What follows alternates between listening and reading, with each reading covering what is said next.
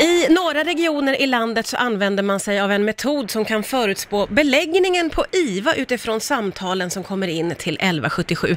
Eh, Region Dalarna är en av dessa regioner och med på telefon finns Tobias Dahlström som är analyschef på just Region Dalarna. Tobias, eh, hur fungerar den här metoden? Nej, men enkelt sagt, nu är det inte bara när det gäller IVA utan det är egentligen all beläggning på sjukhuset så att alla slutenvårdsplatser som man tittar på. Mm. Så det är inte bara intensivvården men i grunden så är det ganska enkelt så att man använder den information som finns rörande kontakter till 1177, det vill säga patienter som ringer till 1177.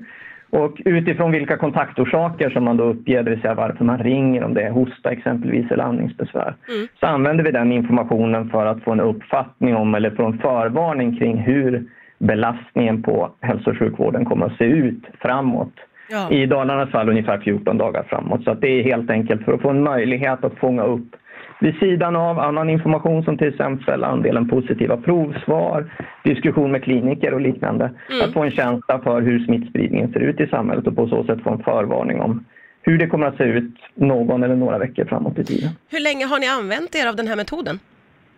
Vi började använda den i slutet av, av juni, alltså i början av, av semesterperioden för när det gäller hälso och sjukvården. Och det var i grunden baserat på de, de prognoser som kom från, från Folkhälsomyndigheten där man såg att det eventuellt skulle kunna bli en, en andra våg i Dalarna även redan under sommaren.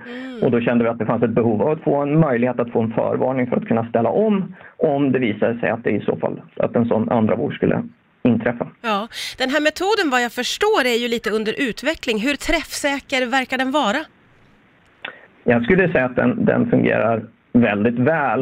Eh, vi har mycket goda, liksom, mycket goda resultat av den men, men den viktiga biten här är att komma ihåg att det här är en av väldigt många informationspunkter som vi använder där som sagt titta på hur, hur stor andel eh, av de provsvaren när det gäller covid-19 som kommer tillbaks positiva och eh, diskussioner med kliniker utifrån hur, hur allvarligt sjuka patienter som läggs in är. Mm. Så att det den, är, den är träffsäker men det är ingenting som man ska lita blint på. Och eh, vad skulle du säga, är, vad, vad konkret vinner ni på att jobba med den här metoden?